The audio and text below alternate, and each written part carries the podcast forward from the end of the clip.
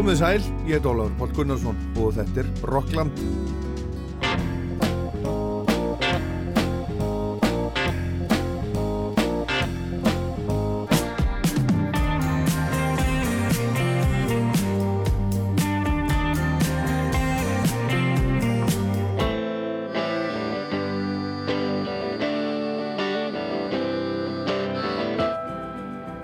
Þátturinn í dag er tvískiptur í seinni hlutanum þá uh, ætlum við að skoða aðeins Shane McGowan sem að lést núna daginn var jarðsungin í Dublin á förstu daginn og það má eiginlega segja að, að Írska þjóðin hafi svolítið verið bara á hliðinni. Síðan þá Nick Cave söngi jarðaförunans og Glenn Hansard gerði það líka og það búið að vera fréttir um andlátans í öllum helstu miðlum heims stórar og miklar minningagreinar og ég vil setja fókusinn svolítið á uh, jólalægið mikla Fairy Tale of New York sem situr núna í fjórðarsæti Breskafinsættilistans og gæti farið á toppin í fyrsta skipti lægið kom út fyrst 1987 og þetta er 20. árið sem að, er 20. skipti sem að lægið kemst inn á topp 20 á vinsallalistan í Breitlandi það náði öðru sætinu hæst þegar það var splungu nýtt 1987 en hver veit, kannski ferðar lágsins núna á toppin, þetta lag um, um undirmáls fólkið í stórborginni. Undirmáls anti-jólalægið Fairy Tale of New York. Það er sett í setjum hlutanum en í fyrir hlutanum þá er gestur þáttarins einn stórfína tónlistakona Elin Hall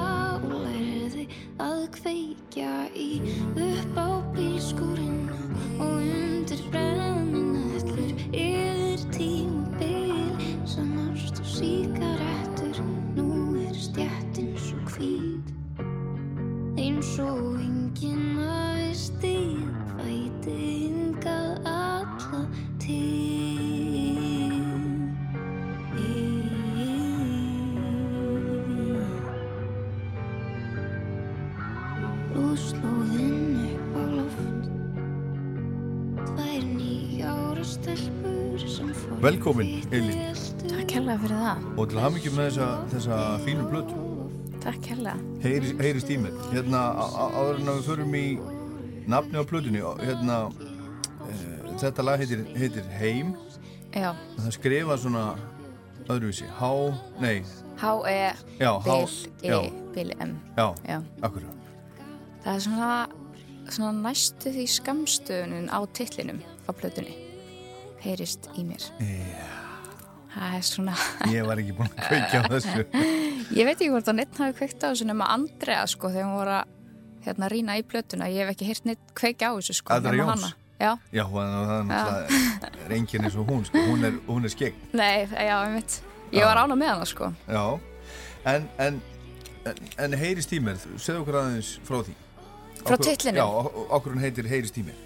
Já, sko, hérna ég segi alltaf að þetta sé svona þú veist, þetta er bæðið þessi klassiska setning sem að tónlistamæðurinn segir að hann þegar hann er að banki mækin sko. já, svona, svona já, heyrist í mér en svo er þetta líka svona hérna svona lýsi svolítið ástandinu í lögunum og ég fann að þetta var svolítið svona rauðu þráður í gegnum svona mótífin á baku lögin. Hérna svona tilfinning að finnast þú ekki hyrður eða séður bæði bara í stóru samhengi en líka bara í svona persónlegum samböndum og hérna já, þú veist þannig að það, þetta var bæðið mér persónulegt fyrir mér en líka bara svona bara, eh, hvað var þar, mig sem listakonu sko á þessum tíma þegar ég var að semja semja þessa tónlist sko. Og það er kannski svona pínu kaltænislegt að horfa á það núna því að jújú jú, það heyrist svo sem ágætlega í mér. Þú veist, Rástfjö er að spila með helling og hérna ég er að fá miklu meira tækifæri með mér hefði einhvern veginn geta óra fyrir að fá sko. En það hefur ekkert alltaf verið þannig svo sem og ekki þegar ég var að byrja að vinna plötuna og ég er alltaf búin að vera að vinna í músík og gefa tónlist í nýju ár. Eða svona síðan ég var 16 ára sko. Í nýju ár? Já, það er svona fun fact sko. Ég náttúrulega byrjaði 2015 og svo fór ég hljómsveitir og svo gaf ég náttúrulega plötu 2020 Já, það, það er svona... fyrsta uh, soloplataðin ekki? Já, það er svona fyrsta soloplatan Já. og svo gaf ég út hellingasinglum og eitthvað neina og var svolítið að upplifa bara vera, vera á öskrinu og það var ekkert að gáka eins og gerist bara og hérna já, í staðan fyrir að vera bitur þá bara hérna fór ég að semja með það sko. En hvað hva, hva gerði svo? Þú, þú segir að svona, heyr, heyrist ekki dýðir en, en nú allt í hennu heyrist alveg hellingur dýðir Þú, þú ert með að leika Bubba Mortens í, í, í nýju líf. Já. Mm, Já. Ég veit það bara eitthvað, eitthvað small ég veit það ekki, þú veist það er bara eitthvað í, í loftinu sko og maður er alltaf að byggja eftir að fari sko. Af því að maður hefur verið hinum megin líka. En hérna Já, þú mennar að þú heldur að þú sér bara svona heppin í smá stund e, maður, maður, svona, maður hefur alveg ágjur að því sko. Eða svona ágjur og ekki ágjur en... Ég held að sko Mick Jagger hafi haft ágjur á þessu líka. Já. og Paul McCartney já. og allir. Þetta er bara eitthvað núna, vonandi eldist þetta í sex mánu Já, já, já, einmitt. Já, það er eitthvað þannig sko eða þú veist, maður alltaf líka að reyna að vera raunsær og hafa einhverja vendingastjórnun sko sérstaklega því maður hefur upplifað hinnendan sko að bara finnast maður vera öskrút í tómi og það er engin að kveikja sko oh. en um, já, ég allavega get bara sagt að virkaði fyrir mig að halda alltaf áfram Ég held að það sé bara kannski lindar dómur lífsins já. að halda alltaf, alltaf áfram en, en í hvaða hljómsveitum varstu? Heyrðu, ég var nú bara í ymsum svona bílskúrsböndum sko en kannski svona það sem að náði lengst var hljómsveit sem að hétt Náttsól. Já, auðvitað, hérna, þú varst þar. Já, við vorum svona tríó. Uh, gáum út plötu 2019 eða eitthvað svo leiðis og það, svona, það var svona ákveðin skóli sko. Það var eitthvað lag sem við spilum eitthvað, eitthvað, eitthvað coverlag sem við spilum Já, það hefur verið hæperballad Hæperballad, svona... það var ógeðslega flott. Heyrum heyr, það aðeins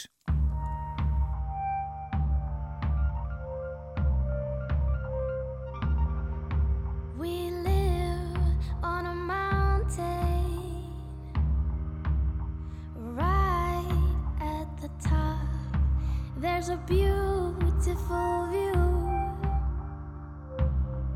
from the top of the mountain. Every morning I walk towards the edge and throw little things off like cardboards, bottles, and cutlery or whatever.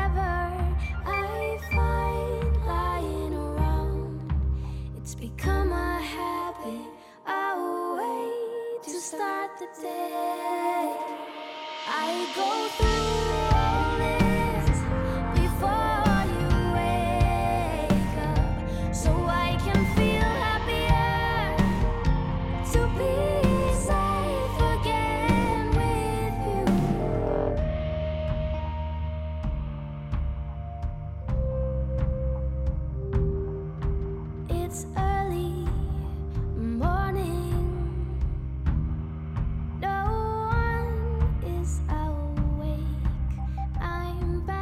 Þú ert auðvitað þarna í, í þessu Náttsól, Hyperballad þetta var svolítið spilað hérna á Róstfjörn mjög flott. Já, takk fyrir það. Ég var, held ég aldrei vita að þú hafi verið þar. Nei, það er svona Þú far, farið auka, auka stjörnu fyrir það. En, en hérna, er, er þessi hljómsveit hætt eða, eða er þetta svona á kantinum eitthvað? Sko við erum hérna, all, við fórum alla solo sko, það er Raven og Rún og svo ég. Já, Og þær- verða að halda þessu gangandi maður. Það, Sú, eh, Súpergrúpa, Crosby, Stills og Nass já, það er alltaf draumurinn sko hjá okkur og það er alltaf eitthvað svona að vera að ræða það. Um, en Eða- við þurfum kannski þarna- bara Þarna Boy Genius. Já, einmitt, mikill fenn á þeim sko. En það er bara svona, ég held að við hefum bara allar þurft svona kannski að finna okkur sjálfar og, og langa til að gera eitthvað bara eftir okkar einn höfði sko. En hver veit hvað gerist einhver tíma Aldrei setna að loka neinum dyrum hafa, hafa allt, allt opið. En hvernig, sko Hver er nú helsti munurinn á þessari nýju plötu og, og plötunni sem er komin 2020 Sér að fyrir fyrstu plötunniðinni. Sko, sama, sama stúlkan. Já, sama, sami höfundurinn. Já, sami pródusser Já, Sko, ég fyrsta plata mín var bara svona mikil svona uppgjör við úlingsárin, hún var svona lög sem ég var bara búin að vera að vinna í frá ég var 14-15 ára. Uh, mér fannst ég bara einhvern veginn skulda sjálfur mér að koma því út. En, þú veist, ég var kannski, þú veist, já ég, ég og reynir unnum hana bara með því að bóka stúdíó hjá einhverjum flottum gaurum og svo bara þú veist, mæta með band og taka upp og það var svona svolítið bara allt ferlið. En plata nummer tvö þá var svona við vorum heil lengi að prófa að gefa út lög og prófa að vinna hinn og þessu prófa mismundi hljóð. Og hann var orðin miklu betri pródusser og ég orðin miklu betri lagasmiður og einhvern veginn fór miklu meira miklu meiri hugsun og kannski þroski á bakvið plötu 2 mm hjá okkur. En ég samt sé ekkert eftir plötu 1 sko en það var bara svona rosa mikið svona byrjanda test held ég. Já. Sem að mér langaði samt bara að koma frá mér Við skulum heyra næst lagið Vinir sem er mjög gott lag. Segð okkur hans svo Takk fyrir því, takk fyrir það. Það er hérna, það er fyrsta lagið sem kom út á plötunum minni og það er kannski svona lagið sem að breyti svolítið svona þessari örkminni af því að það var svona fyrsta lagið sem að svona náði gegnum háfaðan að einhverju leiti og það var lag sem ég ætlaði ekkert að gefa út og var ekkert sérstaklega vanda lag kannski og ég postaði á TikTok og svo fekk ég svo mikla pressu á internetinu Ekkert sérstaklega vandað, hvað, hvað meinar þau með því? ég bara svona, ég veit ekki ég, Þetta er ótrúlega flott lag Já, takk. Ég bara einhvern veginn, þetta var bara eitthvað svona, eitthvað svona svolítið svona, bara eitthvað svona sem ég var að raula upp í rúmi eitthvað og þú veist, það er ekkert eitthvað svona einstaklega flókið á baku lagasmiðarnar held ég, eða finnst mér sko. En svo var ég svona eiginlega svolítið búlið í að gefa það út og hefur svona lært að þykja vænt um það eftir á. Og ég ætlaði alls ekki að hafa það á þessari glúmi í plötum, ég fannst það ekkert passa inn á plötunum mína sko en hérna það var eiginlega alltaf mjúsik sem að sem að sannfæri mig um að það væri góð hugmynd sko ég, ég er alveg ánum með það eftir á sko en það er svona svolítið kannski öðrum gýr uh, að einhverju leiti en restan af plötunni. Og það er kannski svona, já. Já, ég var bara að reyna að tengja við fólk og ég held að það hefur verið það sem virkaði sko, ég held að mjög margir hafi tengt við ástasamband sem er vinasamband sem er ástasamband sem er vinasamband. Það er þegar maður finnur eitthvað svona sem að fólk virkilega tengi við þegar maður gerir eitthvað sem manni finnst skipta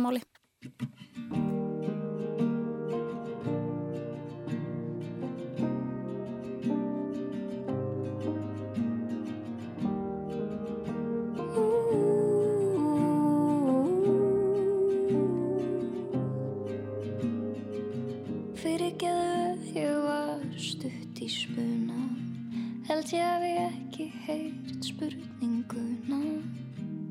Ég á það smá til er ég horf á þig. Þú ert alveg hættur að ringja í mig. Þú þarft ekki að afsaka, ég skil þig. Þú skuldar mér ekki neitt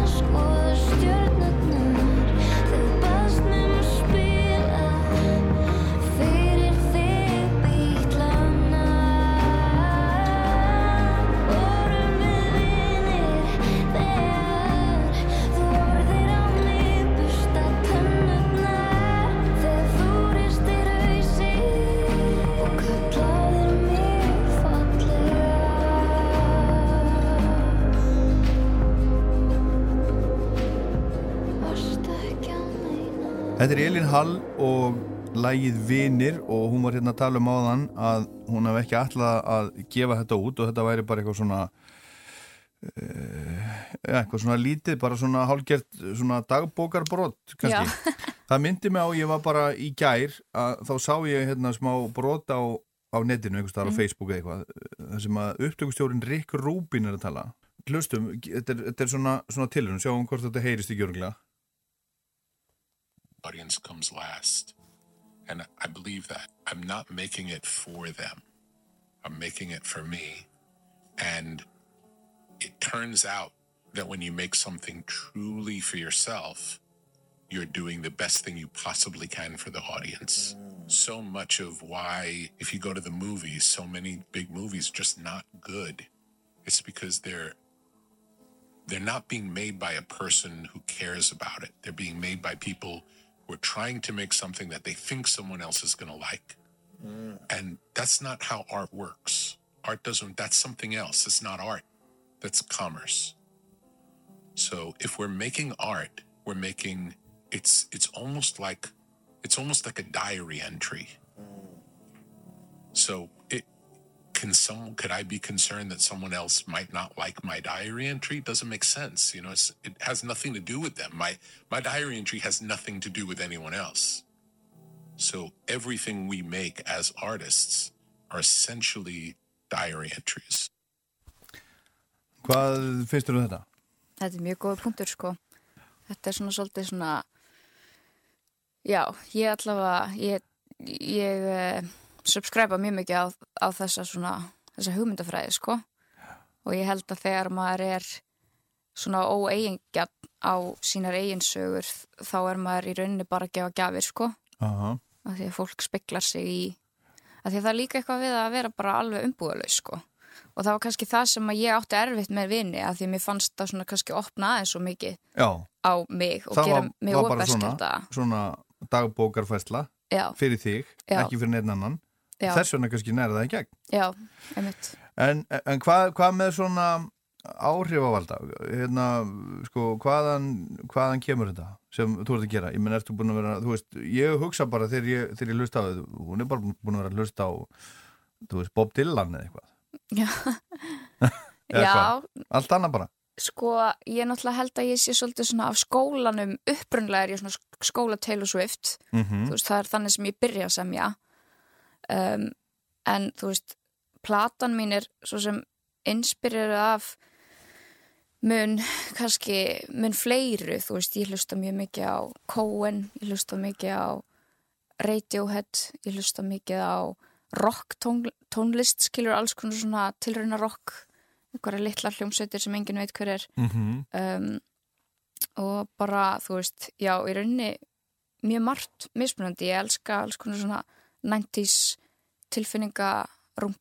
Um, en hérna en ég finn samt að áhrifin frá Taylor Swift frá því ég er bara úlingur hvað var þetta svona þetta sögumanns element það er eitthvað sem að held ég að muni aldrei fara frá, frá mér sko. mm -hmm. og það er það sem að líka lætu mig brenna fyrir leiklistinni á sama hátta því ég er bara eh, inn við beini er ég bara sögumæður í rauninni hvað formi sem það er sem á að kalla það í gamla daga trúbadur, söng, söngvaskáld. Það eru er þeir sem að fóra á milli og sögðu sögur og sungu og, og svona. Já, já. þetta er bara þessi, þessi, þessi gamla, gamla tenging. En, en hann reynir snær, já, kannski einn spurning þú veist, myndi þið langa til að gera svona svona, svona háaða háaða rockblödu Já, mér langar alveg til þess. Já. Mér langar til þess, sko, ég þurfti bara að finna rétta fólkið og Ég held ekki að þið fengjum næstu í hvert sem er með þér í það sko. Það kemur örgulega einhvern tíman að því sko. Já. Það er alveg svona, ég held að þessi plata við gert það bara svona ljóst fyrir mér að ég er alltaf með þetta kref til að sprengja laugin og fara út í það skilur en ég kannski gera það aldrei alveg. Svona akkurat á jæðurinnum alltaf að fara út í eitthvað rock eða gera það bara svona, bara svona smakkar það svolítið. Já. en það var einmitt svolítið óvænt sko þegar vorum að vinna í plötunni að ég fór alltaf að breyta svona eins og lög, lög eins og Júpiter var bara eitthvað svona ánguvert gítarlag en svo því meira sem við unnum í því meiri þörf hafði ég til þess að allavega fá að öskra smá í endan mm -hmm. og þau eru alveg nokkur svona lög sko á plötunni Jájú En, en hann er með þér þarna, hann reynir svona er gítarlegari Já. sem að bara ef að fólk fer í bara inn á rú.is og finnur Gísla Martin þá er hann þar í lagi hverju með einsta þætti eða svona öðrum fórum þætti stundum með svona flotta hatta og sólgleru og ymislegt, mjög já, flinkur já, já. hann er, er, upptökstjóri eru þið, er þið gamli vinnir? Já, við vorum alveg par sko í fimm ár sko í alvöru? Já, já, og hérna og vorum það þegar við byrjum á plötunni sko og svo þegar við hættum Þetta syngjum hann? Æ, ég veit ekki. En hérna já og svo ákvaðum við að samt að klára þess að plötu saman svona í gegnum sambandslitin sem er náttúrulega ákveðin geði ekki en hérna það enda að vera mjög svona þerapíst eða svona therapeutic fyrir okkur. Um, en við erum líka bara ógislega góði vinir og höfum alltaf verið sko. Og hann er náttúrulega bara mjög fær í öllu sem hann gerir og það skiptir svo miklu máli að hafa einhvern sem þekkir þið mjög vel og þú veist, þú treystir fyrir öllum heimskulegu hugmyndunum líka. Mm -hmm. og það fer alveg á báða vegu sko. Þannig að hérna, en ég held samt að sambandslitin að þess að kannski fara að tala eitthvað ómikið um þau en þau sett alveg svona sinn tón á þetta og gerði þetta. Það er alveg svona, og það er kannski svona meira eitthvað svona sem bara ég veit skilur að það eru ákveðni vókalar sem að maður tók upp þegar maður var alveg búin á því í stúdíónu en, en mér fannst ég vera að grípa eitthvað eitthvað momentum þar eitthvað sem væri alveg uník við þessar aðstæður sem að við vorum í sko. Hvort sem það er mikilvægt eða ekki. Mandrap á gáleysi, skulum heyra það næst. Hvað er að gerast þar? Það er lag sem að ég samti um það að fara frá einhverjum sem að maður elskar og kannski svona væðarleysið við það að enda ástasamband, það er einhvern veginn sama hvernig er farið að því, það er alltaf einhvern veginn voðaverk að brjóta hértað einhverjum og mér leði eins og ég væri morðingi sko.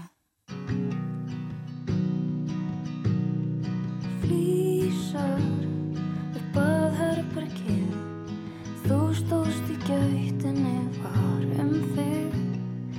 Hvern ertu aftur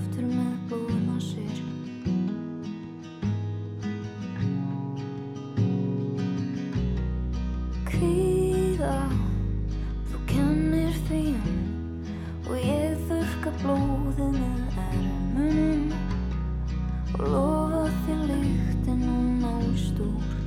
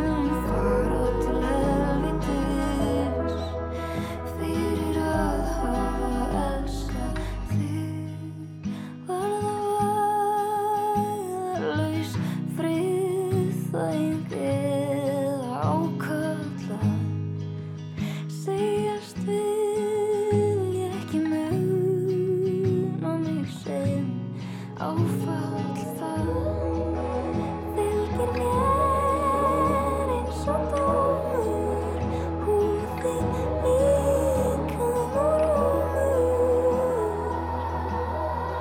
ondum tómur Þetta er Elin Hall sem er gerstur Rocklands í dag. Þetta heitir Mandráp af Gáleysi og er á nýju plöturunna sem heitir Heyrist í mér. Hún er tilnæmt til, til uh, Krömsvæluna og, og taland um, um áhrifvalda, ég var að hugsa að þetta, nú, þetta, þetta getur nú bara verið bara, bara eins og KK eða eitthvað. Hann var hérna, KK-band. Já. Ha, Elin Hall og KK-band. Já. En, en, en hún, hún er tilnæmt til, hérna, til Krömsvæluna. Yes, styrla. Já, hvað, hvað finnst þér um það?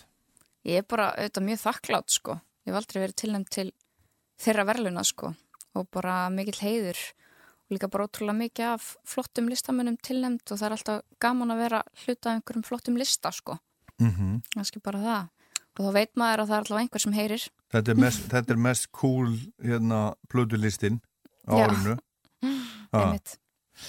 En hvað, sko, hvernig finnst þér að, að, að vera svona, ég meina þér eru búin að búa þetta til, þér eru búin að svona, einmitt, opna í þér hjartað og, og, og uh, koma þessu öllu út og taka þetta upp og pakka þessu svo inn, svo, svo þarf að selja þetta líka.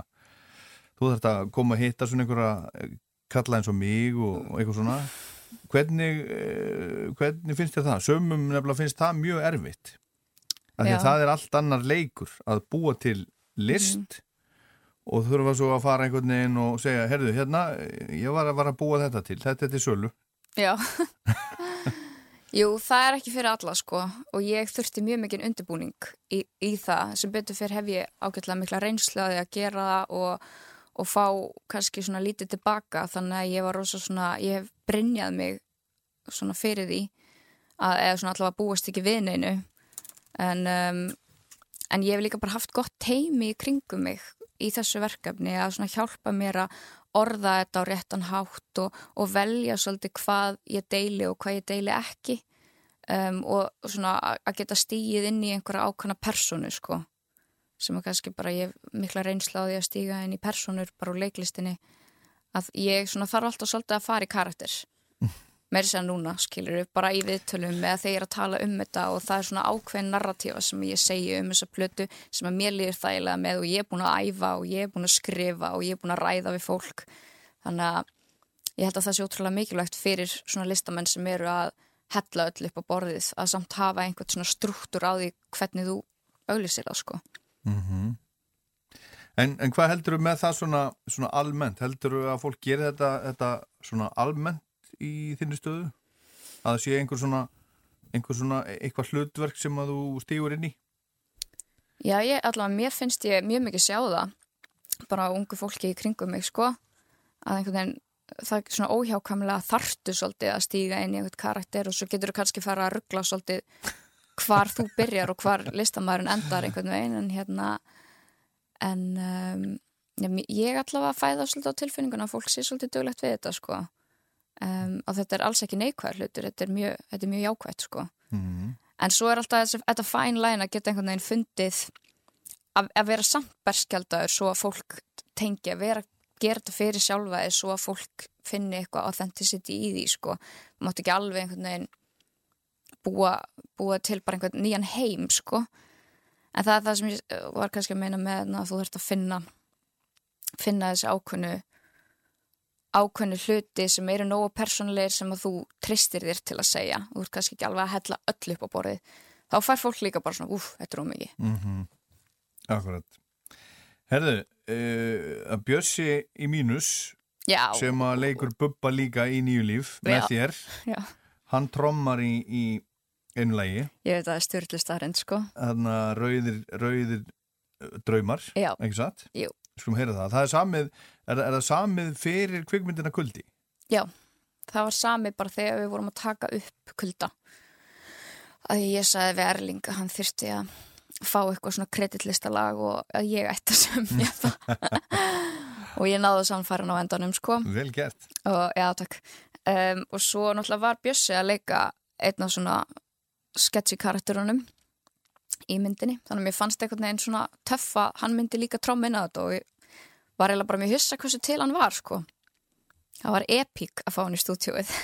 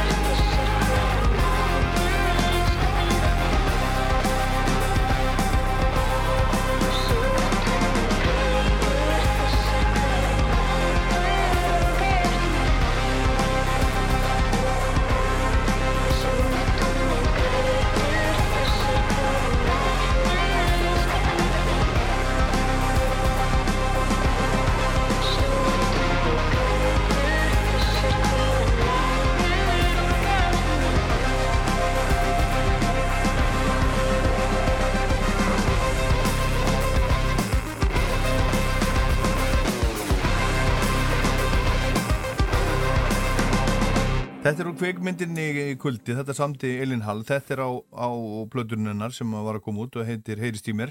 Þú varst að tala um hérna áðan Elin að þú, þú hafði ekki verið vissum að lægið vinir að það myndi passa en, en fannst þér þetta alveg passa? Þú veist, lag og bíómynd, skilur þú?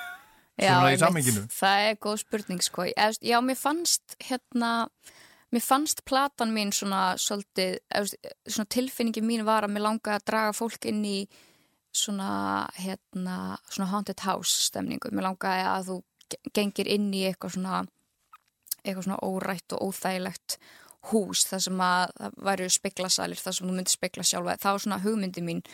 Þannig að mér fannst sko, og það var líka ástæðan fyrir að ég var svona að bakka Erling leikstjórana því að ég var eitthvað, ég er með, ég er með hryllingsplötu, skilur, ég er að tala um blóðsugur og mandrápa gálisi og hérna, þú veist, heim er rosa óþægilegt lag þar sem ég tek einhverja æskuminningar og eigðilegða er og bý til eitthvað svona hérna, dystopist og Já, og ég var mikið að skoða hérna svona nostalgíu og áföll og martræðir og fantasíu og svona pústla þessu öllu saman í eitthvað svona, já.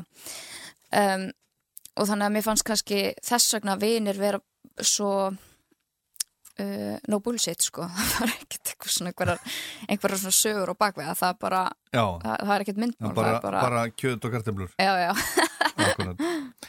Herðu, það er eitt, eitt laga hérna líka sem við ætlum að heyra, heyra, heyra líka sem að, er lagi sem þið, þið gerum saman þú og, og, og Una Torfa. Já. Bankastræti. Bankastræti. Segðu okkur aðeins frá því. Það er lag sem að ég samti eftir einhvern svona fund sem að við áttum. Við vorum í hérna listaháskólanum saman á tímbili og svo hérna og bara ég hef alltaf verið rosalega hrifin af Unu bara sem mannesku, hún er bara einhver klárasta manneska sem ég hef hitt sko. Og við hittumst einhver tíma og vorum að tala um bara drauma og við vorum báður svolítið svona skeftiskar á þessum tíma þetta var svona í COVID. Um, og hún sæði þetta bara einu draumurinn minn er að syngja við Arnarhól. Og mér fannst það svo fallegt og krútlegt og hérna svo samti þetta lag bara svona upp úr þessu samtali uh, sem við áttum. Og svo bara glemti ég þessu lagi og hérna svo náttúrulega bara meikar hún það og ég er að vinna í þessari plötu og finna þetta lag aftur og fannst eitthvað fallegt að samt svona virða þetta samtal og þessar tilfinningar sem við vorum að upplifa þá þó að það er einhvern veginn ættu sér kannski ekki stóður lengur. En það var samt fallegt að hittast og horfa svona yfir farin veg um, og bara kunna meta svolítið svona ferðina sem við höfum fengið að fara síðan þá sko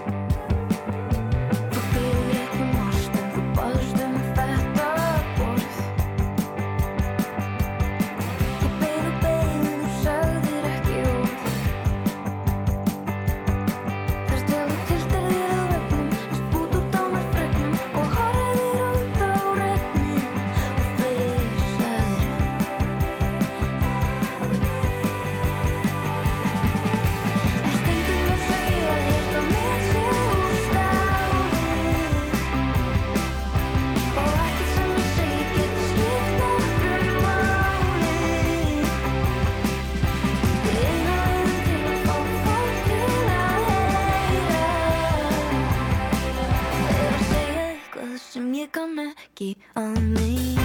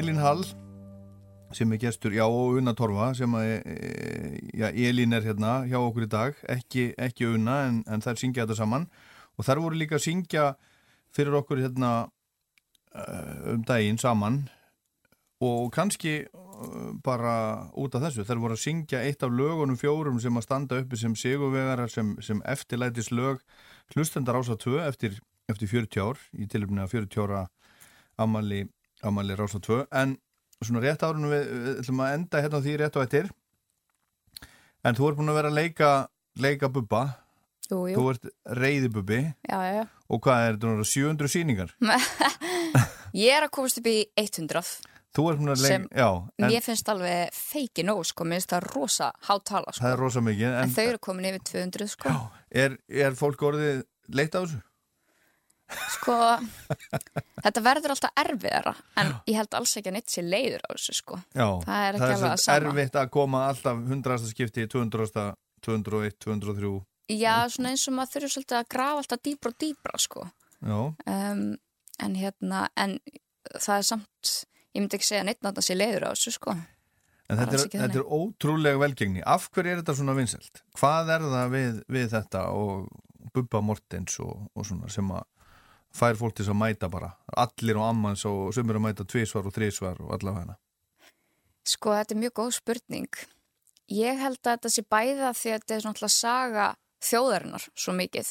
Þetta er saga frá við, hvernig samfélagi breyttist frá þessu svona verbúða samfélagi upp í svo góðærið og á svo stuttum tíma og hann einhvern veginn hefur alltaf verið svo pólitískur og speklað samfélagið bara frá byrjun.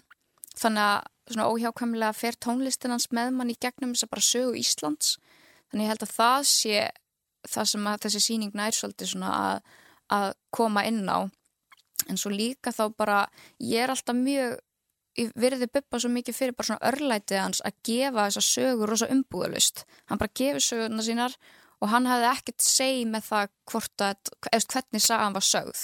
Og hún er sögð sko ekkert endilega til þess að hampónum alls ekki á öllum köplum sko og sýnir hann í mjög svona oft á kannski briskuljósi um, og ég held að það sé það sem fólk kann að meta sko að hérna, hann er ekki að reyna að segjast hafa alltaf verið fullkominn. Og við getum kannski svona speklað okkar eigin briskleika í þessari síningu og einhver sem að fólk lítur svo mikið upp til eins og Bubbi Mortens hann er bara, ég, þegar ég fæðist þá er hann bara veist, þetta er bara svona eitt af þessum nöfnum sem að, þú veist, eins og Davíð Oddsson, skiljur, þetta er bara svona nafn sem að er hent hvar sem er, sko að fá að, eða, þú veist, að sem ég gafmildi af honum að segja söguna sína á svona á svona berskjaldaðan hátt Og svo er það KK. Þeir eru nú líka gamli vinnir, spiluðu saman um tíma. KK var, var gítarleikari í hljómsveitirna spöpa eins og þeir náttúrulega bara gamli vinnir síðan, síðan þeir voru unglingar. En.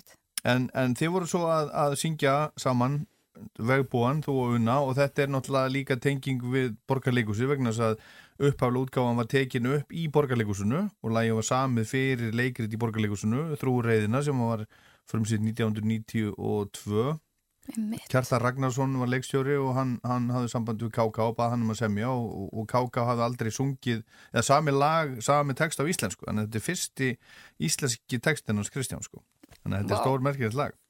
Og, og minn fyrsti þáttur hérna á Rástöðu fyrir 100 ára síðan, sem ég byrjaði með 1991, vinsallarlisti gödunar, þetta er vinsalasta lagið í þeim þætti bara og hann var í gangi í fimm árið eitthvað svo leis Já, þetta ok. var alltaf vinsalasta lagið í þættinum þannig að Vá. þetta er rosalegt lag og þetta er Já. ótrúlega fallega og flott gert hjá ykkur. Já. Er þetta eitthvað sem, að, sem, að, sem var uppáhald hjá ykkur eða bara eitthvað svona, eitthvað Sko, lag? Ég er náttúrulega dyrka káká og amma spilaði mikið káká og bara þegar ég vann hérna á Rú var ég alltaf að hitta hann, ég er mikill aðdáðandi bara honum líka bara persónulega, hann er bara frábæð gaur. Um, hérna já og þú veist svo þegar við fengum þetta frábæra tækifæri að fá að taka ábreyði af því þá einhvern veginn já ég held að veist, það, það kom bara svo ókslega náttúrulega til okkar. Við þurftum ekkert mikið að að finna út úr neinu það bara við settum sniður og rauluðum þetta og þetta er einhvern veginn þetta er svona þannig lag að manni finnst það bara einhvern veginn vera í beinunum. Á menn og ég held að það sé kannski þess vegna sem að það var svona vinsælt, þú veist þú þart ekkert eitthvað að aðlagast í eða heyða það oftar en einu sinni það bara svona fer alveg inn í DNAð á manni. Elin Hall, takk fyrir komuna og til hammingju með plötuninu, skulum enda þetta á að heyra, heyra þig og unnu og vefbúan. Takk, takk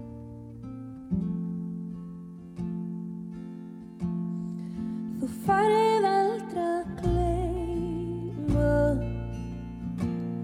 þegar ferðu á stjá.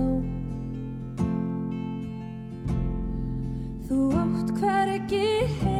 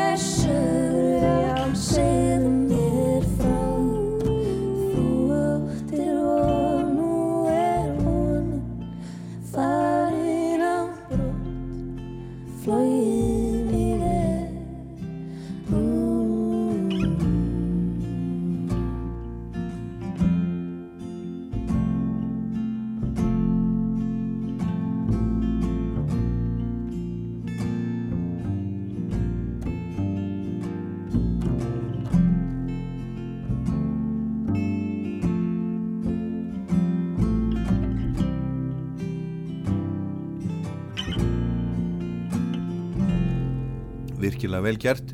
Vegbúinn Una Torfa og Elin Hall. Hún er farin á brott og hérna rétt á ettir þá er það þetta hérna Fairy Tale of New York og Shane McGowan.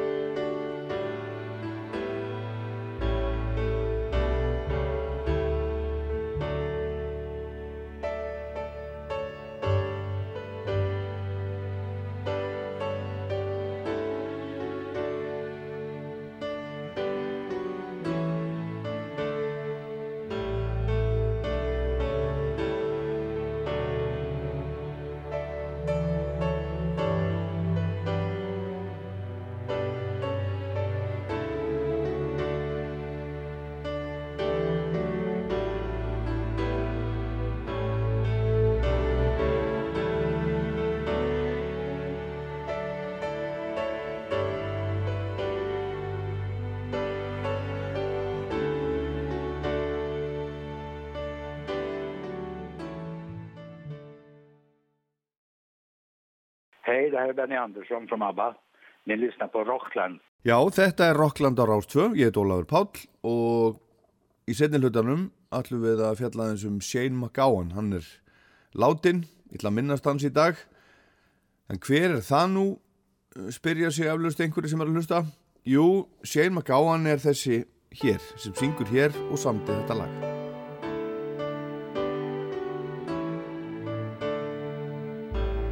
It Christmas Eve, babe, in the drunk tank. An old man said to me, Won't see another one.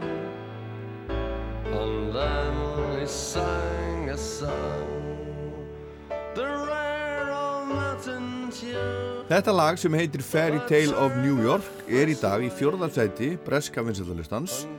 Þetta er eitt tektasta jólalag setni tíma og margir spáði að þetta verði í toppsæti breska listans yfir í jólin og þetta er í eh, fyrsta sæti, komið fyrsta sæti á Írlandi. Og við ætlum að minnast þessa meistara og alkohólista sem hann sannarlega var, Shane McGowan, í Rocklandi í dag. Hann lést af völdum við getum lögurlega bara skrifa það á ólifnað áratögum saman núna 30. november síðastliðin hann var 65 ára. Og ég ætla að leggja áherslu á þetta jólalag sem er kannski krúnu djást þessa merkilega tónlistamanns sem fóð svona illa með sig allæfi og er núna dáinn. Og heimalandi Írland hefur næstum farið hamförin í umfjöllunum mann Það búið að skrifa um hann í öllum dagblöðum Íra, hann var á fossíðum allra blaðana daginn eftir að hann lést og það búið að gera þætti í útdarpi og sjónvarpi og, og podcast út um allan heim, aukveð sem allir helstu fréttamilur heims hafa fjallað um McGowan sem að var söngvari og aðalagasmiður og textaskáld en skýrsku þjóðlega pöngarana sem að kölluðu sig The Pokes.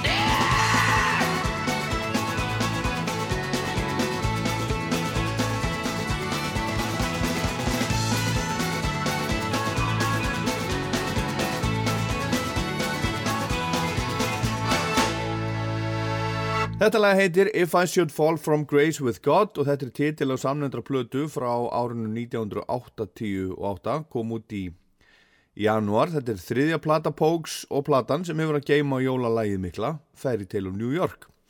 Við skulum heyra næst annað jólalag með Shane McGowan, án Pogues eh, sem hann gaf út áratug eftir að Fairy Tale of New York kom út, eða svona tæpum áratug 1996.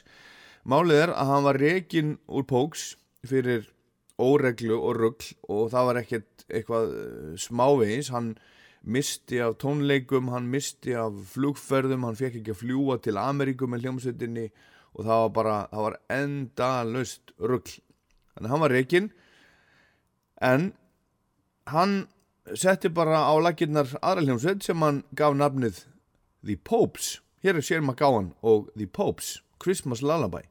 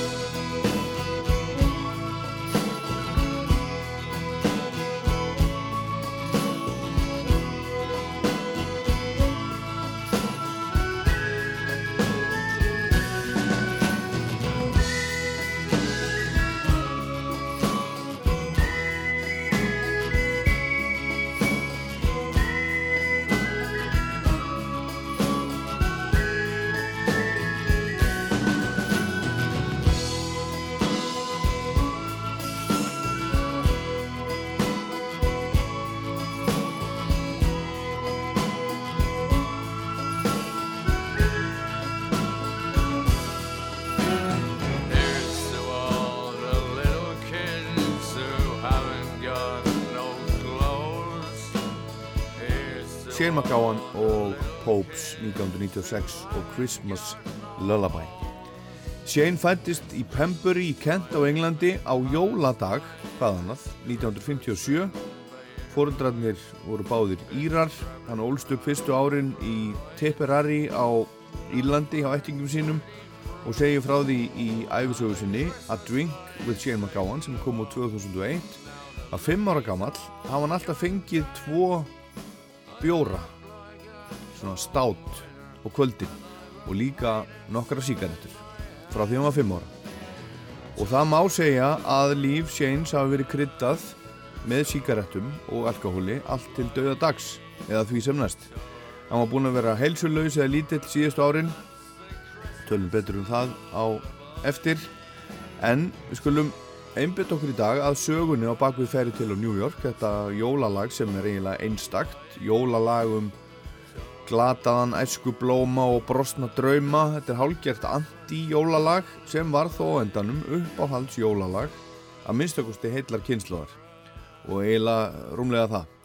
Í sjálfsæfisögu harmonikuleikara hljómsveiturinnar The Pogues James Fernley sem kom út fyrir nokkrum árum þá segir hann að hugmyndin um að hljómsveitin gerði jólalag hafi uppháðlega komið frá umbósmanni hljómsveitarinnar sem að heitir Frank Murray og hann stakk upp á því fyrst að Póks myndi gera eh, nýja útgáfu af jólalagi The Band Christmas Must Be Tonight þessu hérna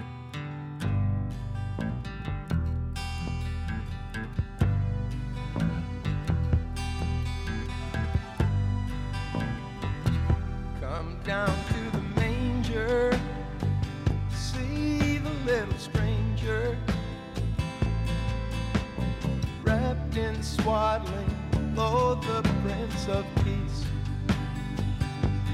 The wheels start turning, torches start burning, and behold, wise men journey from the east. How a little baby boy bring the people so much joy. Son of a carpenter, The light. This must be Christmas, must be tonight.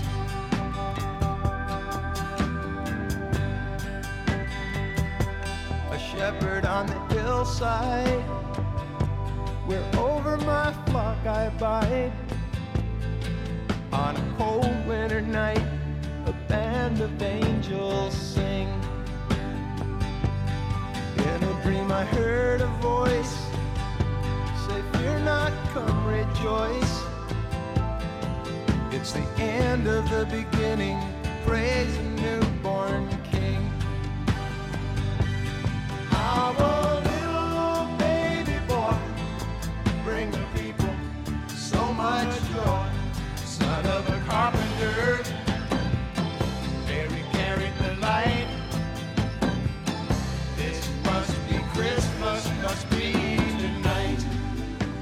Já, þetta er lagið sem umbóðsmaður The Pokes vildi að hljómsveitin gerði cover útgáfa af og gæfi út 1986 eða 7. Þetta kom uppaflega út á sjöndu hljóðversplötu The Band sem heitir Islands kom út í mass 1977. Textilagsins er jólaguðspjallið og sögumadurinn er fjárheyrðirinn sem sér með eigin augum kraftaverki gerast, Guðs lampið fæðast, Maríu mei og trésminnum Jósef. En þeim í Póks leist ekkert á þetta, fannst þetta bara frekar glata og leðilegt og þau sögðu að þau getur alveg gert betra lag en þetta sjálf.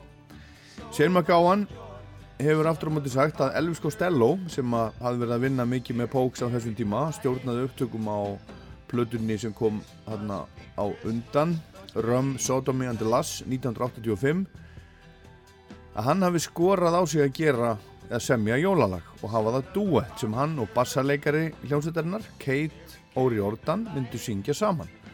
En þau áttu síðar eftir að að giftast Elvis Costello og Kate O'Riordan sem var bassarleikari í hljómsveitinni. En hvernig sem kveikjan var þá fannst hljómsveitinni að góð hugmynd að gera jólalag Póks hljómsveit hefðana frekar en nútímans og svo er Shane McGowan eins og ég sagði fættur á jóladag. Upphaflega hétt þessi hljómsveit Pogue Mahone og það er gilíska og þýðir Kiss My Ass, kistu mig á rassinn á ennsku og hljómsveitin var til í harskettu umhverfi King's Cross í London 1982 í kjölfar punksins. Og þetta voru allt saman uh, gamlir, þetta var alltaf ungd fólk en gamlir punkarar, ekki síst Shane McGowan sem var í einsta ring punkarana í London í kringum Sex Pistols og Class og Damned og allt þetta. Og hann gaf um tíma út aðdáendablað svona fanzine og grætti vel á því, sagði hann einhver tíman og hann var afskaplega uh, klár náungi. Hann fekk til dæmis uh, skólastyrk mikill lestrahestur las mikið flinkur strákur, klár strákur en sveitin spilaði á alls konar skuggalugum stöðum til að byrja með að minnstu gusti og þó svo sándið og áhrifavaldarnir væru ísk tónlist og Írland þá voru þetta uh, að mestu englendingar í hljómsveitinni. Banjóleikarin Jem Feiner var fyrstur til þess að reyna að semja jólalag fyrir Póks en konan hans sagði honum að henda læginu það væri glatað, það fjallaði um, um sjómann sem saknar konuna sinnar á jólunum og Fæner sagði ok, kom þú þá með eitthvað betra. Og það var hún sem kom með hugmyndina að sögunni um parið sem hefur farið út af í lífinu. Og Fæner hefur síðan sagt að söguhautjarnar í læginu eigi sér fyrirmyndir í gömlum vinum þeirra hjóna í New York. Og þeir Jem Fæner og Shane McGowan eru báðir skrifaðir fyrir færi til á New York og þeir unnuða í sikkur og lægi. Fæner einbætti sér að hraðari köflum lagsins á meðan Shane og konan hans, sambíliskona til ótal margra ára, Victoria May Clark, settu fókusin á samtalið í læginu og hægari kaplana og svo viðlægið. En það tók tíma að koma þessu heim og saman, nefnilega heil tvö ár og í æfisögu harmonikuleikarans James Fernley segir hann um Shane að þó svo að hann hafi skapað sér þá ímynda að hann væri hálgerður vittlisingur og, og róni með vélbjössu kjáft þá væri hann og hefði alltaf verið afskaplega klár og flinkur náungi og duglegur þegar því var að skipta og hann hafi glýmt við færi til á New York í heil tvö ár áður en hann var dánaður. Og fyrsta demóð á læginu var tekið upp sama dag og hljómsveitin tók upp lag sem að heitir Rainy Night in Soho árið 1986 og þetta lag flutti Nick Cave í útför Shanes í Dublin á föstudaginn. I've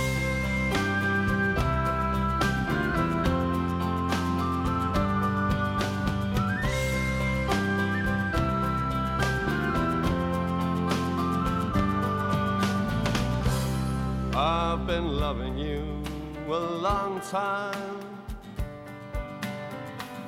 Down all the years, down all the days. And I've cried for all your troubles. Smile at your funny little ways. We watched our friends grow up together. And we saw them as they fell. Some of them fell into heaven. Some of them fell into hell. I took shelter from a shower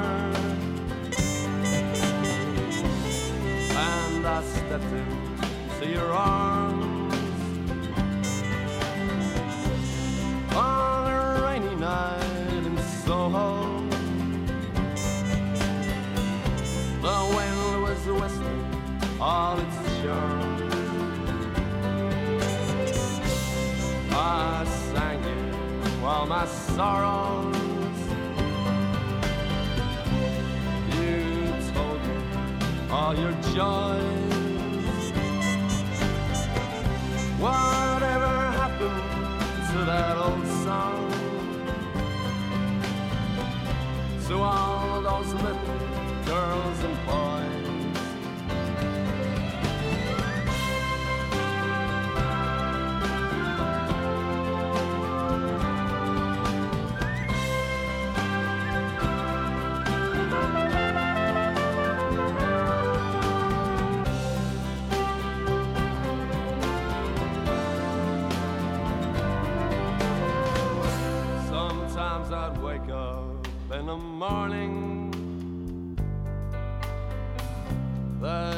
Lady by my bed, covered in a cloak of silence. I'd hear you talking in my head. I'm not singing for the future. I'm not dreaming of the past.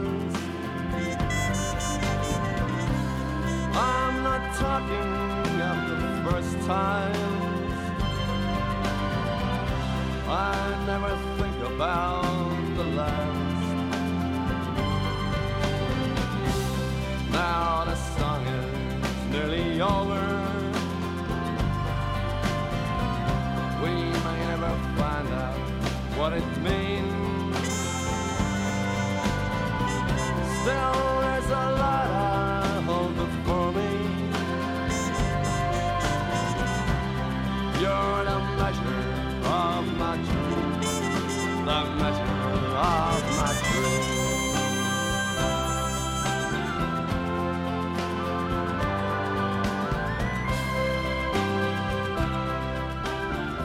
Þetta er Rainy Night in Soho í Pogues eftir Shane McGowan 1986 og þetta var tekið upp sama dag og Elvis Costello tók upp með Pogues fyrsta demóið af lægi dagsins Fairy Tale of New York.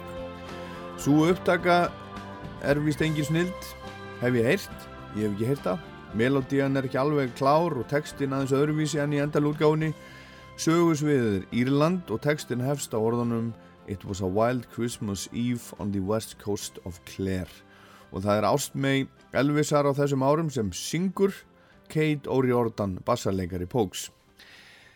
Shane McGowan sem var mikill fullkomnur sinni þrátt fyrir að fólk geti haldið annað hann barðist við textan dag eftir dag aftur og aftur. Og hann vildi bara að hann væri pottjættur, fullkominn. Og hann sagði í setni tíð að aðræðins glímu hafa hann aldrei háð við neitt annan texta og það sem að gera hann svo góðan sé hvað hann hljómi einfaldur. Hann var sagt smíðaður á löngum tíma þessi, þessi, þessi texti. Og Elvis Costello sem var þarna upptökustjóri hljómsveitarinnar, hann stakk upp á að lægið þið kallað Christmas Day in the Drunk Tank eða Jóladagur í Ránafangelsinu en þarna þegar lægið var að, var að eh, svona fæðast, smíðast, var banjónleikarin Jem Feiner, hinn höfundurinn að lesa skáldsögu írska-ameríska höfundarins eh, J.P. Donlevy frá 1973 A Fairy Tale of New York og þeim leið svo vel á þennan titil að Shane bankað upp á hjá reytumundunum hreinlega og baðum leifi til að nota nafnið á lægið og hann sagði að það var ekkert nema sjálfsagt og velkomið. Skömmu síðar var hljómsveitin svo komin til New York í fyrsta sinn og það fannst þeim algjörlega kekjað.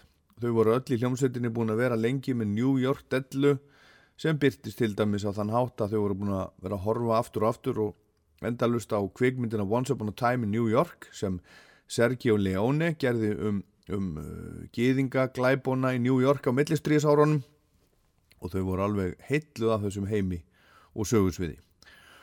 En það var svo árið síðar eða 1987 sem umbóðsmaður Póks hafði samband við upptökustjóran Steve Lillywhite og bað hann um að gera næstu blötu með sveitinni. Hafði slitnað upp úr samstarfinu við Elvis Costello og Lillywhite hafði þarna árin á undan verið að vinna með U2 að öllum þeirra fyrstu plötum og var alveg sjóð heitur upptökustjóri og hann var klár og á miðju sjóð heitur sumri 1987 var gerða allega nummer 2 að Fairy Tale of New York og þeir Shane og banjóleikarin Jem Feiner voru enn að berjast við að láta lægi passa saman Shane var með hluta af læginu hjá sér eins og þú sagði en Feiner með hinn og það var Steve Lillywhite sem stakk upp úr því að hvor hlutin var tekin upp sérstaklega og lægi síðan bara klift saman og það varð úr. Það er svolítið erfitt að spila þetta lag. En það var komið upp smá vandamál. Bassaleikarin Kate sem upphaflega átti að syngja lagið á móti séin var hægt í hljómsettinni og þá vantaði Kvenrödd. Og þá voru alls konar nöfn nefnd Chrissy Hind og Pretenders þótti góður kostur um tíma og nafn Susi Quattro kom líka upp en það var fallið frá því. Og það dætti engum í hug að fá söngkonuna sem á endanum söng það og svona líka glæsilega Kirsty McCall og ástæðan fyrir því að hún var fengin í þetta var svo að hún var eiginkona upptökustjórans Steve Lillywhite Kirsty McCall, frábær söngkona og tónlistakona en hennar ferill var nú frekar á niðurleið á þessum tíma heldur en hitt. Hér er hún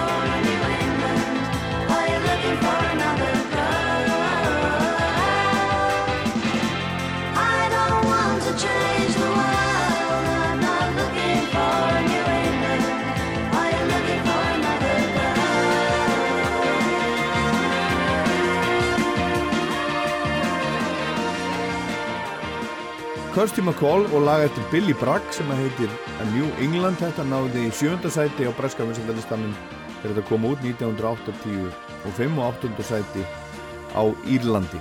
En ég er hérna að rekja sögu eins lítils lags, jólalags hljómsveitarinnar The Pogues frá 1988 Fairy Tale of New York sem hefur verið eitt vinsalasta jólalag heims að mista kosti hins vestran heims bara síðan þá og hverju ári hefur það komist inn á topp 20 á, á breskalistanum fyrir jólin og það er það einmitt núna, það er í fjórðarsæti ég held að þetta sé í 20. skipti sem að lægir nær inn á inn á breskavinsaldalistan það er að segja topp 20 og það er þessi sönguna hérna Kirsty McCall sem að syngur það með Shane McGowan, söngvara og öðrum höfundilagsins sem að lést núna um daginn og var, var jarðsungin á föstu daginn heima í Dublin.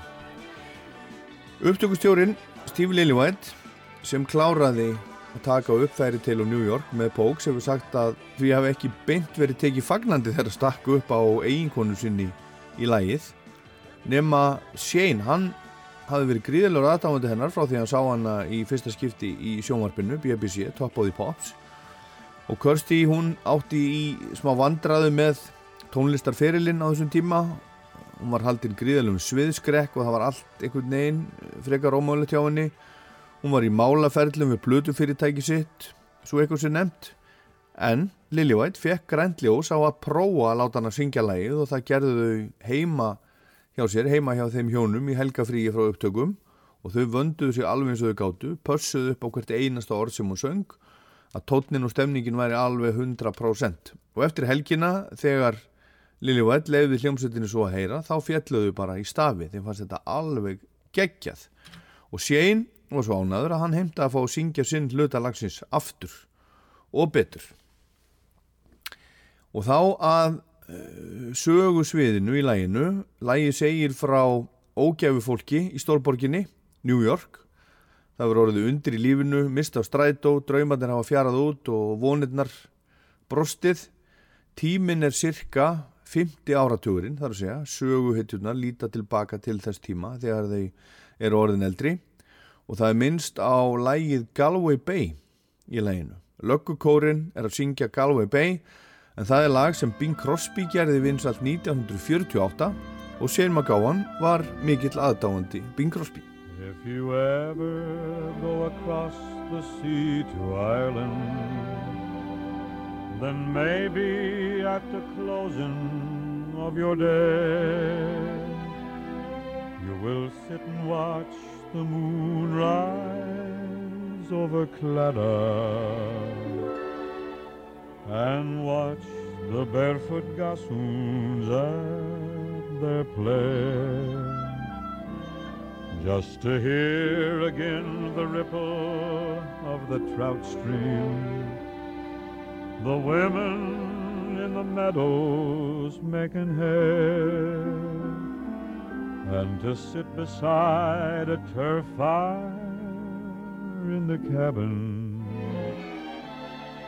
and see the sun go down on Galway Bay. Árið er 1948 og Bing Crosby að syngja lagið Galway Bay, lagið sem að lögreglukórin á að vera að syngja í Fairy Tale of New York. En getum við treyst þessum sögumanni í þessu lagi, sagði Sér McGowan stundum. Hann er róni og sveikarrappur, býr á göttunni, segist hafa unnið í hestaveðlaupi, þessum líkurnar voru einna móti átján og hún er drikkfæld söngkona, eða vildi að mista kosti verða söngkona og Sér sagði líka að hann væri í rauninni báðir karakterarnir í læginu. Hann hafi verið svona höstler, svikarrappur, fyllibitta og söngvari og hann hafi gist í steininum á jólunum með hinum rónunum. Snildin í læginu er innsögluð í síðasta erindinu þar sem Shane syngur I could have been someone. Ég hefði getið orðið eitthvað og hún svarar en það hefði hver sem er geta gert. Og heldur svo áfram og segir You took my dreams from me. Og hann svarar ég geymdi þá ástir mín og varðveitti á mínum eigin og engin veit hvernig sagan endar þau eru komin aftur í núið úr fortíðinni og allt er galopið. Og núna þegar þessi orð eru sögð er Fairy Tale of New York í fjórðarsæti breska vinsættilistans var í átjönda sæti í síðustu viku. Og eins og ég sagði þetta er í 20. skipti sem lægi næri inn á top 20 2018, 19, 20 og 21 fór það hæst í einmitt fjórða sæti. En lægið hefur aldrei farið alla leið á toppin og það er að minnsta kosti upptökustjórin Steve Lillywhite. Ánaði með hef ég lesið. Það voru Pet Shop Boys og lægið Always On My Mind. Elvis lægi gamla sem hjælt Pokes og Kirsty McCall frá toppsætinu 1987 þegar lægi var nýtt. Það náði öðru sætinu. Þetta er lag Lítilmagnans utangarsfólksins og það er alltaf nummer 2 en kannski breytist það núna fyrir þessi jól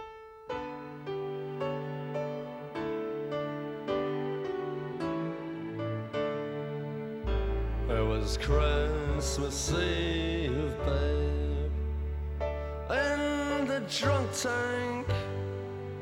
An old man said to me, Won't see another one.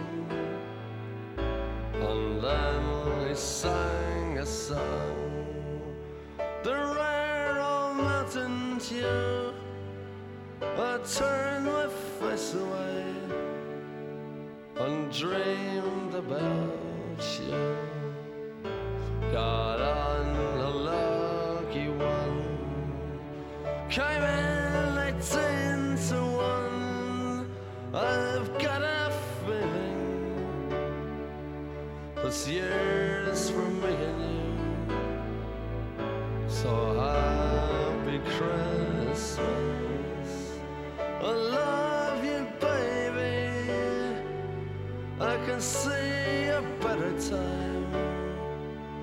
When all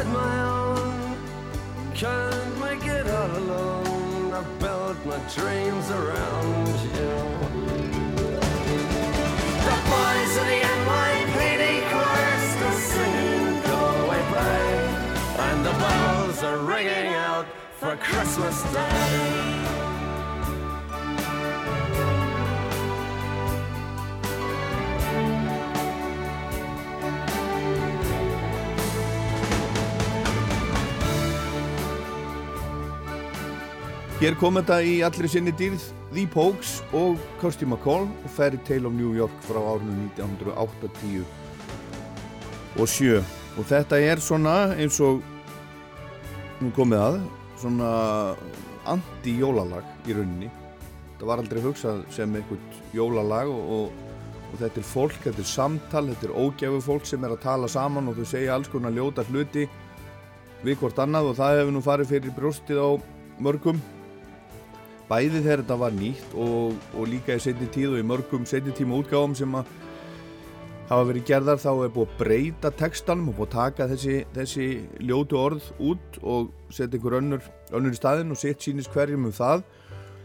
Og það má hugsa þetta til dæmis þannig ættum við að taka gamlar bíómyndir þar sem eru samtöl og breyta þeim og breyta orðum í samtölum í bíómyndum. Ef einhver er drepin í bíómynd ef við þá að breyta því? Spurning, þetta lag er náttúrulega eins og, eins og lög eru hugsuð, listaverk út af fyrir sig. En Shane McGowan sagði ofta að þetta lag hefði aldrei, hefði aldrei verið hugsað þannig að þetta myndi meiða nokkurt mann heldur hafa verið bara að reyna að búa til þessa personu, þessa konu eða þetta fólk. Þetta er ógæfu fólk. Þetta er gert á þessum tíma fyrir næstu því 40 árum síðan og hann segir svona ímynda ég mér eða svona talaði fólk á þessum tíma sem var í þessari stöðu, eða ímynda mér það allavega. Og bara fyrir tveimur árum þá skrifaði hann á Twitter eitthvað á þessa leið ég ætla ekki að segja meira um þetta lag allt þetta ár heldur en þetta. Orðin sjálf í ferði til á New York þau trubla mig ekki en það trubla mig áttur á móti hvað mikið af, af streit fólki í heiminum lætur það fara rosalegi töðar á sér. Þegar eitt orðið í læginu er tekið út á einhvern nátt en aðkoma Kirsty McCall að þessu lægi á þessum tíma hafði afskaplega góð áhrif á hennar feril. Sjálfströstið jógst til munna og hún átti nokkur hansi góð ár þarna á eftir. En hún lérst svo árið 2000 í bátasleysi í Mexíkó þar sem hún var í fríi með sonum sínum og unnusta. Hún og hennar fólk voru, voru að snorkla á lokuðu friðuðu svæði í Kósumel þegar hún sá hraðbát koma á siglingunni á móti sér og sonum sínum. Og unnustannum Jamie. Hún náði að íta Jamie í burt frá bátnum en það vildi ekki betur til en svo að hún lendi á bátnum og lést samstundis við höggið. Blessus í minning hennar, hún var bara 41 árs. Hún var 28 ára þegar hún söng með, með Pogues. Og nú er þau bæði dáin en Shane Kallinn hann eitti megninu af þeim 65 árum sem hann lifði á flöskubotni. Drikjan kom hann sjálfsögðu oft, oft í koll og uh, þegar félögum hans í Pogues sem að kölluðu ekki allt ömmu sína fannst drikjan vera komin út fyrir öll velsamismörk þá rákuður hann úr hljómsveitin eins og við sagðum árið 1991 en Pogues og Shane komu samt af og til saman uh, fyrst 10 árum setna 2001 og síðast 2014 Ég ætla að fara betur yfir sögu Shane McGowan og Pogues síðar, kannski ekki fyrir nú nýja ári, en það er á nógu að segja frá. Og þetta er merkileg hljómsett, eins konar blanda, ég sá Arnar Eggert vera að skrifa um, um Pogues á MBL og hann seg, segir að þetta sé svona eins og blanda af, hvað sagði hann, Chieftains og Sex Pistols. Þetta er kannski segja frekar Dubliners og Sex Pistols. Þeim fannst Chieftains held ég aðeins og, og, og svona fáaðir. En mér langar að spila eitt lag til viðbútar með Shane og í þessu lagi er hann sérstakur gestur The Priests sem eru þrýr prestar frá norður Englandi sem hafa verið að syngja saman síðan þeir voru strákar í heimavistaskóla voru í St. Macnissis College í Garron Tower í Antrimsíslu Þeir eru búin að gefa út þrjár stóra plötur og svo fyrsta sem heitir The Priests kom út 2008 og fór mörgum og ofurum allarleið í 5. sæti breska vinsældalistans og í leiðinni í heimsmetabók Guinness sem hraðseldasta klassíska platan frá því að byrja var að skrá slíkt. Og þessi sérstakki, duett með Shane og, og Prestonum kom út á plötu sem heitir Noel í byrjun desember 2010 og þeir syngja saman lægið Little Drummer Boy, Skástrygg Peace on Earth sem kom uppáfla út 1977 með öðru dúói sem að einni kom rækilega óvart, nefnilega Bing Crosby sem höfum í hann og David Bowie. Og let hafa eftir sér í fjölumölum í kringum útgáfuna að prestatnir vinnir sínir væru góður söngvarar, lægi hljómaði vel og vonandi kynni fólk að meta þetta hjá þeim. og eitt prestanna, fadir Eugene sagði að lægi kæmi eflaust mörgum aðdáundum bæði þeirra og hans, Shane, á óvart bæði hann og við erum, erum trúir okkar stíl í læginu en það sýnir hvernig tónlistin getur brúa bylið milli fólks úr ólíkum áttum. Bing og Bowie gerðu það á sínu tíma og nú við. Takk Shane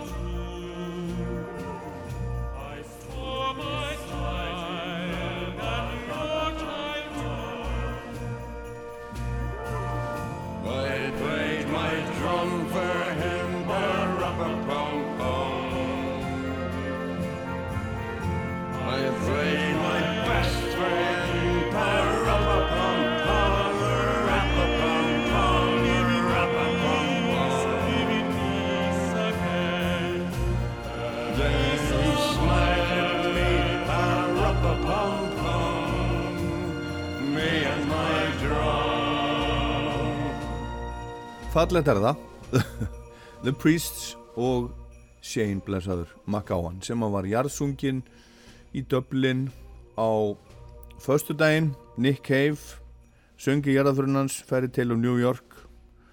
Eiginkonan held ræðu og þessu var bara sjónvarpa held ég. Þetta er að finna, finna alls konar myndskeið á netinu.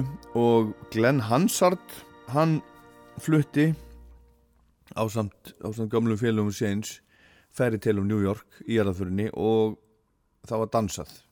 Glenn Hansard sem að spilaði til dæmis á bræðslunni fyrir nokkur árum og Glenn Hansard sem að var í Reykjavík í sömar með marketu Írglófu vinkonu sinni að taka upp plötu, svona er heimurinn lítill og svona tengist allt. Og talandu tengingar, við skulum heyra þetta lag hérna aftur núna með Bávi og Bing Crosby. Bing sem að söng Go Away hérna áðan muniði en þetta er upptaka sem að var gerð fyrir sjómasþátt og upptakan, lægi sem við höfum svo oft heyrt og, og er heldur spilað hérna á Rást 2 fyrir hver einstu jól, þetta var tekið upp fyrir sjómasþátt sem að Bing Crosby var með 1977 hétt Bing Crosby's Merry Old Christmas.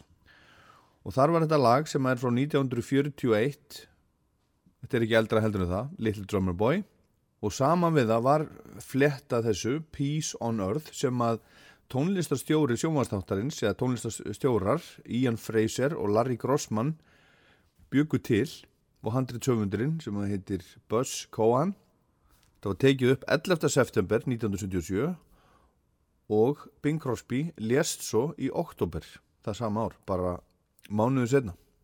Við skulum heyra lægið en við skulum líka heyra það sem að koma undan læginu í þættinu. Þetta heyrist ekki oft. Hello. You the new butler? well, it's been a long time since I've been the new anything. What's happened to uh, Hudson? I guess he's changing. Yeah, he does that a lot, doesn't he? Um, oh, I'm David Bowie. I live down the road. Oh. Sir Percival lets me use his piano when he's not around. He's not around, is he? I can honestly say I haven't seen him, but come on in. Come in. But uh, come on in. Are you related to Sir Percival? Well, distantly, uh. Oh, you're not the uh, poor relation from America, right? Ha! Gee, news sure travels fast, doesn't it? I'm Bing. oh, I'm pleased to meet you. You're the one that sings, right? Well, right or wrong, I sing either way. Oh, well, I sing too. Oh, good. What kind of singing? Well, mostly the contemporary stuff. Do you, uh, do you like modern music? Oh, I think it's marvelous. Some of it really fine. But tell me, uh, you ever listen to any of the older fellas? Oh, yeah, sure. I like uh, John Lennon and the other one with um, Harry Nilsson. Ooh, you go back that far, huh? Oh, yeah, I'm not as young as I look. None of us is these days. In fact, I've got a six-year-old son, and he really gets excited around the Christmas holiday Mm-hmm. thing. Do you go in for any of the traditional things in the uh, Bowie household Christmas time? Oh, yeah, most of them, really. Uh, presents, tree, decorations, agents sliding down the chimney. What? I was just seeing if you're paying attention. Actually, uh, our family do most of the things that other families do. We sing the same songs. Do you? I even have a go at White Christmas. You do, huh? And this one. This is my son's favourite. Do you know this one? Oh, I do indeed. It's a lovely thing.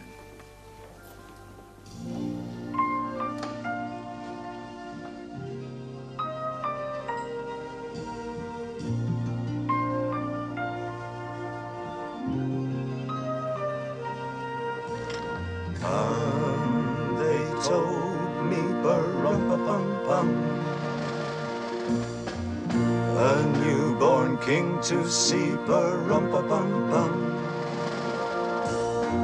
Our finest gifts we bring, bum bum bum rum bum bum rum bum bum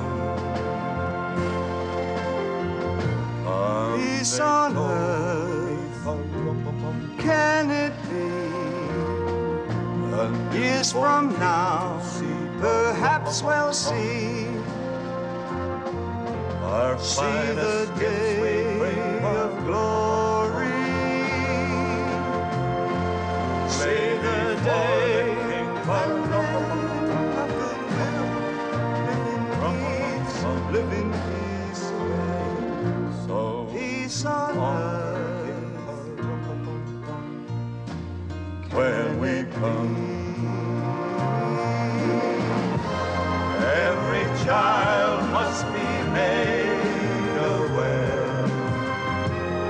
Every child must be made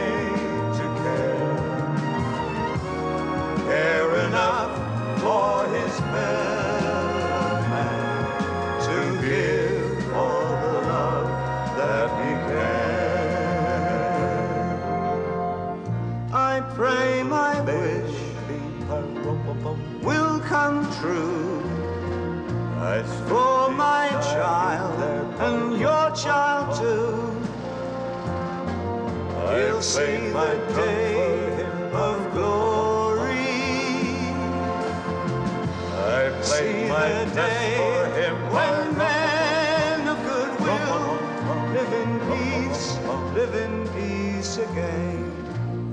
Peace on earth? Can it be?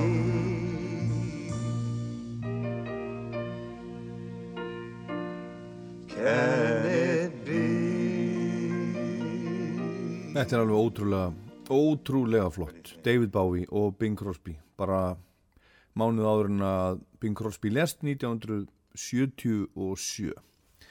En þá er liðið þetta Rockland enn einu sinni og þátturinn alveg að verða búinn. Og ég ætla að kveði ykkur með því að heyra eh, eitt svona jólalag sem var ekkert hugsað sem jólalag, það er bara lag sem að saga sem að gerist í desember það líður á jólum og Þetta er lag alveg eins og ferði til úr New York sem kom bara út á venjulegri plödu fyrir mörgum árum síðan. Þetta er lagið hennar Joni Mitchell, River, flutt hérna af Tínu Dikko sem að býr í Reykjavík og mannunum hennar, Helga Hrafni Jónssoni. Þetta er upptaka úr jólaþætti, jólatónleikaþætti danska ríkisjónvarsins, DR's Stóri Jólasjó árið 2012. Og þetta er ótrúlega flott gert hjá þeim, eins og allt sem þau gera. En ég heit Ólaður Pál Gunnarsson, þetta var Rockland, takk fyrir að hlusta. Jeg glæder mig meget. Det er Tina Dikov og Helgi Jonsson.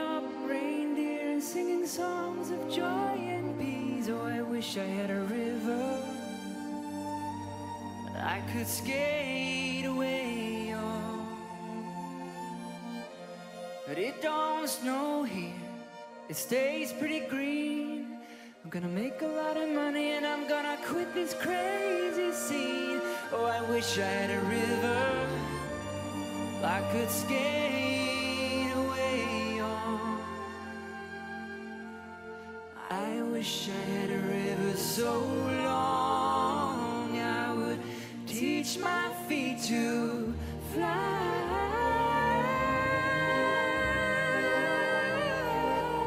Oh, I wish I had a river I could skate away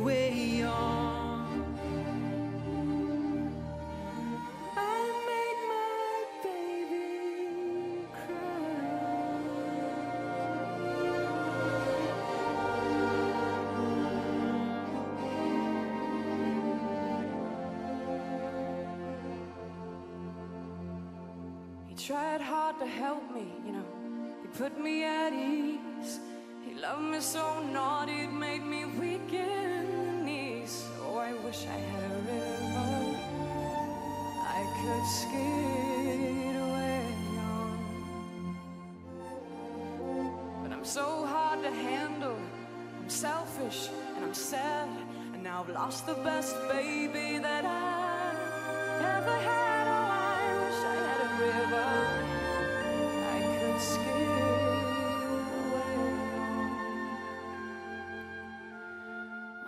wish I had a river so long I would teach my feet to fly.